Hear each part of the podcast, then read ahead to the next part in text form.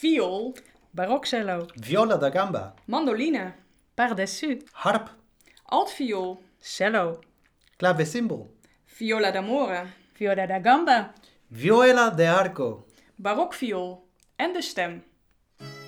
Welkom bij Chroniek in Muziek, een podcast van Camerata Delft.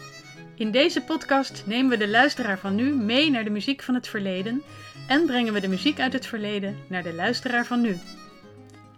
Aan de hand van luistervoorbeelden, achtergrondverhalen en ervaringen zetten we de muziek van toen in historische context en brengen haar tot leven in het heden. De podcast wordt gemaakt door drie muzici van Camerata Delft Quirine van Hoek, Ricardo Rodriguez. en Lotte Beukman. Laat je inspireren en reis met ons mee door Chroniek in Muziek. Welkom bij weer een nieuwe aflevering van Chroniek en Muziek. En in deze aflevering gaan we je wat meer vertellen over onze, instrumenten. We zitten hier weer met z'n drieën in de studio. Ricardo Rodriguez, Quirine van Hoek en ikzelf, Lotte Beukman.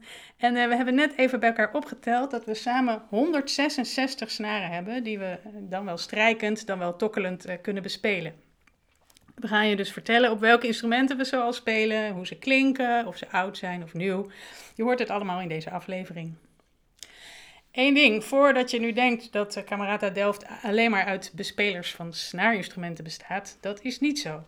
Want Camerata Delft is een flexibel ensemble. We spelen vaak met meerdere collega's. Soms zijn we alleen maar een duo, soms een groep van tien personen, soms een quintet. En er zitten dan ook uh, verschillende blaasinstrumenten bij vaak. Of een luid of een klavecimbal, misschien meerdere zangers. Ja, afhankelijk van het repertoire en de gelegenheid waar wij optreden. Maar altijd is de kern de zogenaamde oude muziek, dus voornamelijk 17e, 18e eeuwse muziek. En soms wisselen wij dat af met wat hedendaagse uh, muziek. Het doel is altijd uh, om deze muziek tot leven te brengen voor jou, de luisteraar van nu. Um, artistiek en organisatorisch vormen wij alleen met z'n drieën de kern van Camerata Delft. En toevallig spelen wij inderdaad allemaal op een heleboel snaren. Ricardo, begin vandaag bij jou, want jij hebt de meeste snaren. Inderdaad, ik speel veel instrumenten en daardoor heb ik veel snaren bij mij thuis. Ik weet op dit moment hoe, weet ik niet hoe ga ik beginnen, want eh, bijvoorbeeld ik heb een harp. En een harp volgens mij is het oudste instrument die ik heb. Eh, de harp is een kleine harp, niet zoals de harp die wij in het orkest zien. Eh, het is eigenlijk een driehoek van hout met 29 snaren erop. Het is een instrument, een kopie van een harp van de 14e eeuw. En daar speel ik meestal middeleeuwse en renaissance muziek.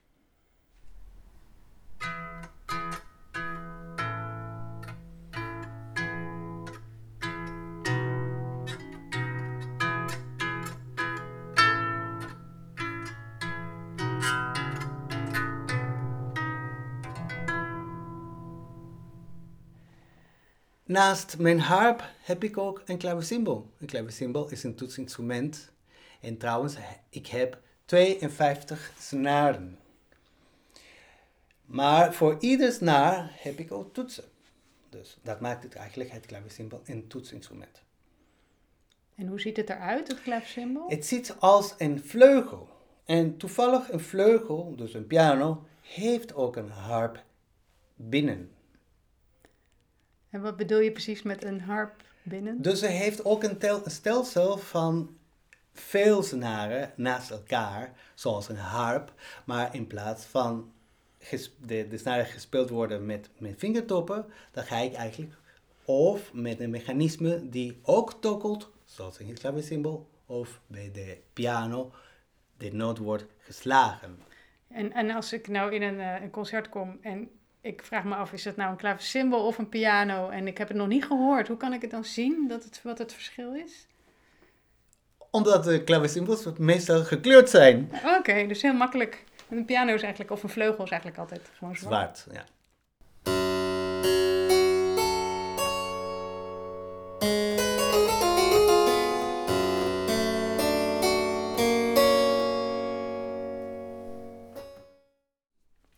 Dan speel je volgens mij nog meer instrumenten. Viola da gamba. Viola da gamba is ook een oud instrument voor oude muziek. En het lijkt zeg maar in eerste instantie op een cello, want het heeft min of meer dezelfde maat als een cello. De gamba heeft zeven snaren, of de gambas die ik bespeel hebben zeven snaren. Ik heb twee. En ze zijn meest, het is meestal een instrument die meer gerelateerd is met de gitaar. Uh, hij heeft viola da gamba omdat uh, het is een instrument die, die tussen je benen gespeeld wordt. En gamba op zijn Italiaans betekent been. En dat is de manier hoe jij je instrument zeg maar, bij je lichaam plaatst. In tegenstelling van da braccio. Da braccio is hoe de, de viool gespeeld wordt. En braccio op zijn Italiaans betekent eh, eh, arm. En je, even wat vragen, want je zei net, uh, het is gerelateerd aan de gitaar. Wat bedoel je daar precies mee? Zeker de uh, aantal snaren, maar de lijntjes op de toetsenbord, die heten frets. En ze zijn schotjes met een bepaalde hoogte, die helpen de vinger de noot vinden of makkelijker het maken voor akkoorden spelen. En de frets zijn ook met snaren gemaakt. Dus dat betekent dat ze zijn niet zoals in de gitaar ingebouwd in het instrument, maar flexibel om juist de toon hoger of lager te kunnen spelen. Ah, dus die frets die liggen er eigenlijk los, soort van los op, dat je ze een beetje kan schuiven. En juist te kunnen schuiven, want de muziek die wij spelen, de oude muziek, is soms gespeeld met andere temperamenten. Dus andere stemmingen. Dus bij een viool heb je geen frets. Daardoor kan je de toon heel uh, flexibel maken. Omhoog, omlaag. Dat kan ik ook met de viola da gamba. En voornamelijk met het bewegen van de fret naar omhoog of omlaag. En de viola da gamba is eigenlijk best een specialistisch instrument. Hè? je ziet het niet, niet zo snel of zo vaak in de concertzaal. Je hebt het ook niet in grote orkesten of zo. Um, het is echt iets heel speciaals. De gamba zie je inderdaad heel weinig in orkesten, want het is een instrument die is meestal voor kamermuziek. En trouwens, je ziet de gamba heel vaak eh, in schilderijen van Vermeer. Dus de gamba is onbekend deze tijd, maar het was ooit een heel populair instrument. De viola da gamba heeft ook verschillende manieren hoe kan je wel het instrument spelen. Nummer 1 is met een strijkstok. Dat kennen we eigenlijk van de Matthäus Passion. Maar heel weinig weten wij dat de gamba kan ook getokkeld worden als een gitaar. Daar gaan we even naar luisteren. Nou,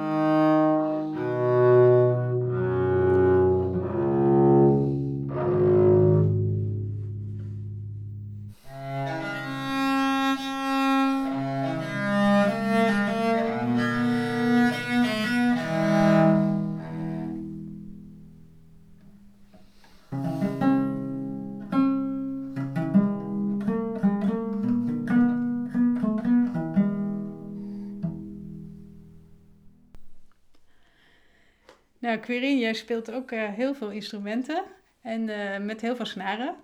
En je hebt ook nog twee bonussnaren. Kun je daar iets over zeggen? Nou, ik heb inderdaad ook een hele opsomming uh, aan instrumenten thuis.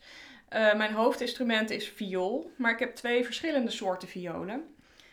eerst mijn moderne viool, die is gewoon gestemd zoals tegenwoordig ook in orkesten wordt gespeeld ja, een viool is denk ik een van de bekendere instrumenten. Uh, ik bespeel hem op mijn op mijn schouder ligt hij in mijn handen en ik strijk met de strijkstok. Hij heeft vier snaren. Ehm, en mijn moderne viool, dat is een uh, viool uit 1799. Heel modern. Heel modern. dus eigenlijk een oude viool, maar die is zo uh, omgebouwd ja, dat hij als moderne viool functioneert. Eigenlijk alle oude violen die zijn in de loop van de jaren uh, een beetje verbouwd, als het ware. net een andere hals, andere snaren, waardoor die meer volume kan uh, maken en de grote concertzaal kan vullen. Daarnaast speel ik dus ook barokviool. En dat ja, zijn twee violen, eigenlijk hetzelfde basis uh, qua instrument. Maar het grootste verschil is dat er andere snaren op zitten en dat de stemming anders is. Op de moderne viool zaten kunststofsnaren en dat zijn ja, vaak kunststof met een omwikkeling, waardoor dit mooi glad is en een hoge spanning heeft. En op een barokviool zitten darmsnaren en die zijn wat meer, uh, ja, ietsje rafeliger, wat dikker.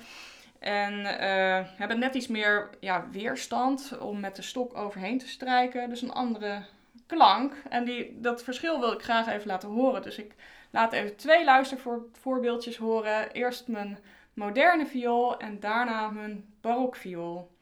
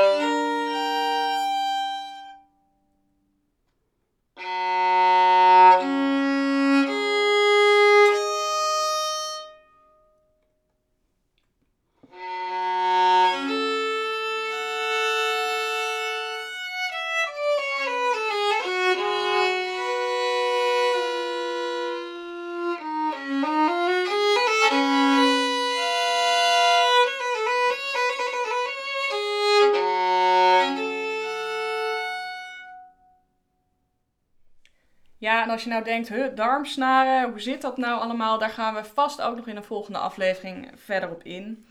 En wat nog wel leuk is om te vertellen is dat deze barokviool, die heb ik in bruikleen en dat is een heel bijzonder instrument, uh, een Jacobs. Die is gebouwd in 1680 in Amsterdam, dus een ontzettend oud instrument.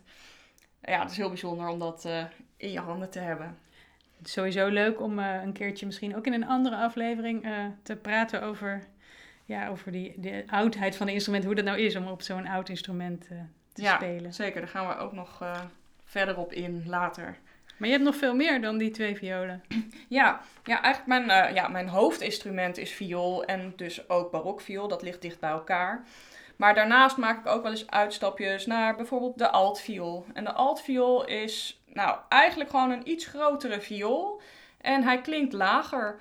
de, zeg maar de hoogste snaar uh, je hebt dus vier snaren op een viool, dus een altviool heeft ook vier snaren. Maar de hoogste snaar die de viool heeft, die heeft de altviool niet. Maar die heeft dan weer uh, een lagere snaar erbij. En als ik daar weer ook dezelfde muziek op speel uh, als die ik net op mijn violen liet horen, dan klinkt het als volgt.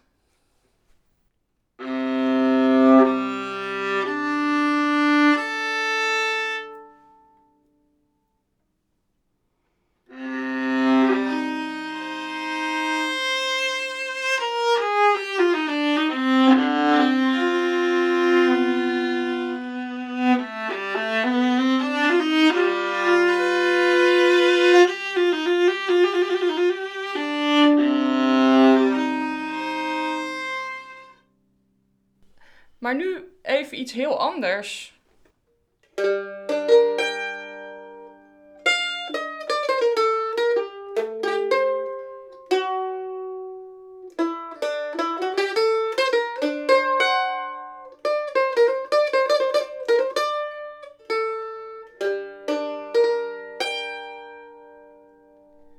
Ja, wat was dit nou weer voor instrument? Dit was een mandoline. En ik, ja, ik ben niet een officiële mandolinespeler, dat is meer als hobby erbij. Maar het is wel leuk uh, om te weten dat een mandoline hetzelfde is gestemd als een viool. En, eh, maar je speelt het eigenlijk als een gitaar. Dus eigenlijk zit het een beetje tussen de viola da gamba in en de, en de viool en de gitaar, als het ware. En is het eh, voor een violist makkelijk om mandoline te spelen? Relatief? Het is, relatief makkelijk, omdat je eh, het notenbeeld, zeg maar, hoe ik de bladmuziek lees en welke vingers ik nodig heb voor welke noot, dat is hetzelfde als bij een viool. Maar voor de rest, uh, je moet dus tokkelen. Je speelt met een plektrum, net als bij een gitaar. En je hebt twee snaren per snaar. Dus eigenlijk heb je acht snaren op een mandoline. Een soort Mhm. dubbele. Je hebt, ja, en die sla je tegelijk aan, maar dat geeft een specifiek geluid. Ja, op die manier win jij wel de wedstrijd van eh, de meeste snaren. In ieder geval van ons tweeën. Eh, want je hebt er nog een instrument en dat heeft ook een heleboel extra snaren. Ja, dat is weer een ander instrument. Dat is weer een echt barok instrument. Eh, de mandoline overigens, dat is, dat, die werd in de barok ook veel gebruikt. Maar wordt tegenwoordig ook heel veel in volksmuziek gebruikt. Dus je hebt ook zeg maar oude modellen mandolines, maar ook moderne, ja eigenlijk bluegrass en eh, echt Amerikaanse volksmuziek eh, modellen mandolines. En zo'n instrument heb ik. Ik heb dus geen barok mand- mandoline. En speel je ook eh, Amerikaanse volksmuziek? Ja, voor de lol. Daar Oh ja. ben ik ooit mee begonnen, maar het is echt heel laag pitje hoor. Niet in Camerata Delft. Nog niet een kameraad Delft. Wie weet Ja, gaat wie dat weet. ooit nog komen. Ja, en het instrument wat ik dan nog meer heb, dat is een viola d'amore. En dat is wel echt een instrument uit de barok. Ehm, ja, wat eh, ja, ook wel liefdesviool betekent. Ehm, ja, en het eh, aparte daarvan is, hij heeft geen fretten, maar hij lijkt wel op een viola da gamba in de vorm. En ook in het aantal snaren. Want eh, mijn viola d'amore die heeft zeven snaren. Ehm, en wat extra is, is dat hij resonanssnaren heeft. Dus onder de snaren waar ik met mijn stok op speel, daar zitten ook nog snaren en die gaan meetrillen op de resonantie van nou, wat de noten die ik speel. En dat geeft een soort extra naklank galm. En nou, een leuke uitspraak die ik tegenkwam is dat Leopold Mozart, die zei erover... eh, het is een voornaam instrument dat lieflijk en charmant klinkt, vooral in de stilte van de avondschemer. Mooi. Dat was eh, Leopold Motor, de vader van. Ja, de vader van. Mozart. Nou, en die eh, klinkt zo.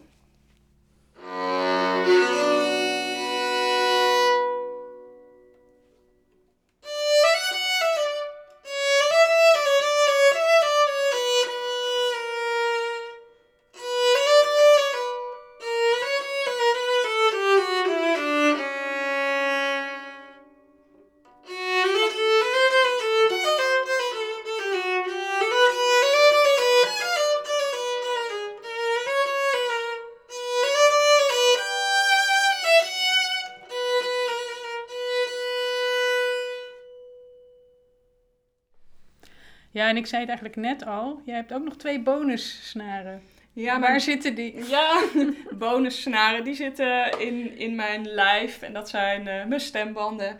Die ik sinds eh, een aantal jaren wat actiever gebruik in de vorm van zingen.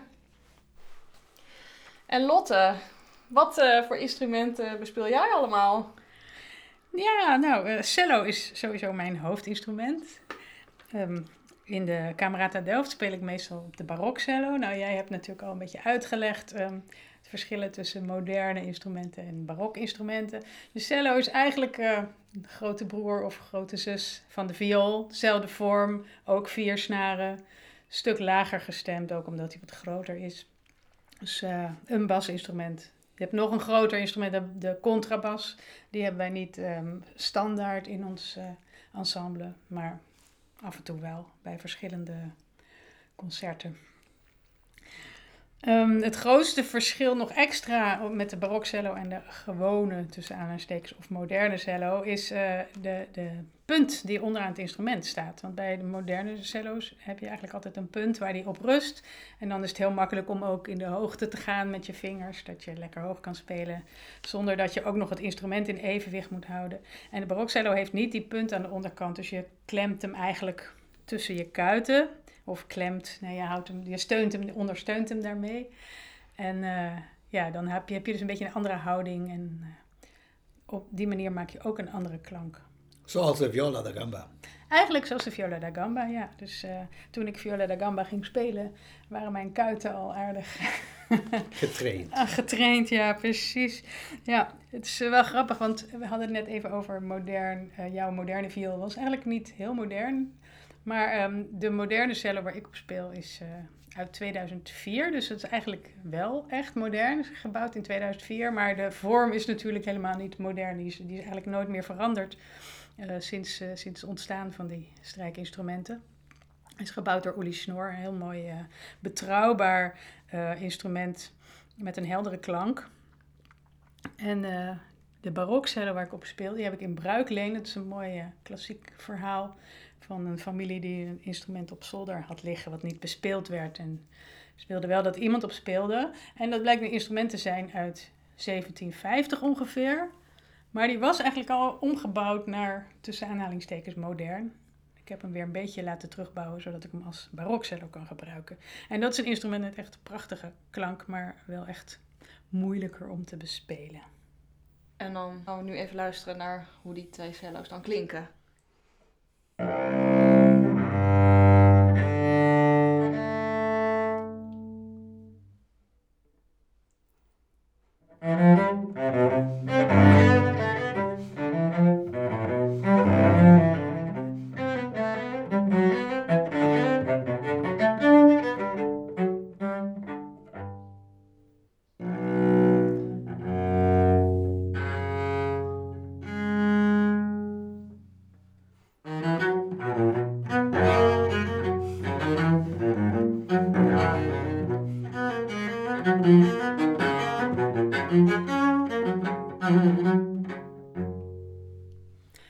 Die laat ik nu niet horen, maar ik heb ook nog een tussen aanhalingstekens hybride cello. Uh, die, dat is ook een oud, oud uh, beestje. En daar heb ik omwonden darmsnaren op gezet. We gaan een keer een aflevering over snaren maken sowieso, want er, ik merk dat er veel over te vertellen is. Uh, daar op die hybride cello speel ik eigenlijk ook oude muziek, maar dan in moderne orkesten, zeg maar. Dus als er bijvoorbeeld een, uh, een, ergens gevraagd wordt om een kantate van Bach mee te spelen, maar wel in moderne stemming, dan speel ik graag op die hybride cello. En nou ja, dan speel ik ook nog viola da gamba. Ehm, ik ben begonnen een jaar of zeven geleden op een instrument met zes snaren uit de jaren 50. Die heb ik in bruikleen van een collega. Maar ik wilde eigenlijk ontzettend graag ook een uh, instrument met zeven snaren. Vanwege inderdaad die lage A-snaar waar Ricardo al over vertelde. Dat je nog wat lager kan dan de cello. Um, en mijn zevensnarige viola da gamba is uh, voor mij een heel bijzonder instrument om... Nou ja, dat ga ik later vertellen in een andere aflevering. En heel grappig, onlangs, echt een paar maanden geleden, kwam ik een, uh, een heel kleine gamba tegen. Dus een par-dessus. Dus eigenlijk de vioolversie, de sopraanversie van de, van de gamba-familie. En uh, ik had nooit bedacht dat ik die wilde, wilde hebben of, of wilde bespelen. Maar toen ik dat instrument zag um, voorbij komen, dacht ik, ja, die moet ik gewoon kopen. Vraag me niet waarom, want dat is altijd nooit een rationeel uh, iets. Maar dit was was heel grappig. Nou, het is een heel leuk, leuk instrumentje. Met een mooi kopje eigenlijk. Dus aan het eind van de hals zit bij de gamba's uh, meestal, ja, soms een krul net als bij viool en cello. Maar meestal zit er eigenlijk een mooi bewerkt hoofd van een vrouw of een man. En de pardessus heeft, mijn pardessus heeft een heel schattig mannenkopje. Een beetje ondeugend met een hoedje erop. Um, ik heb er zes snaren op en ik heb hem nog maar kort. Dus ik ben nog in de verliefdheidsfase. En uh, nou, ik zal een klein stukje laten horen, maar dan wel samen met, eh, met Ricardo op de baskamba.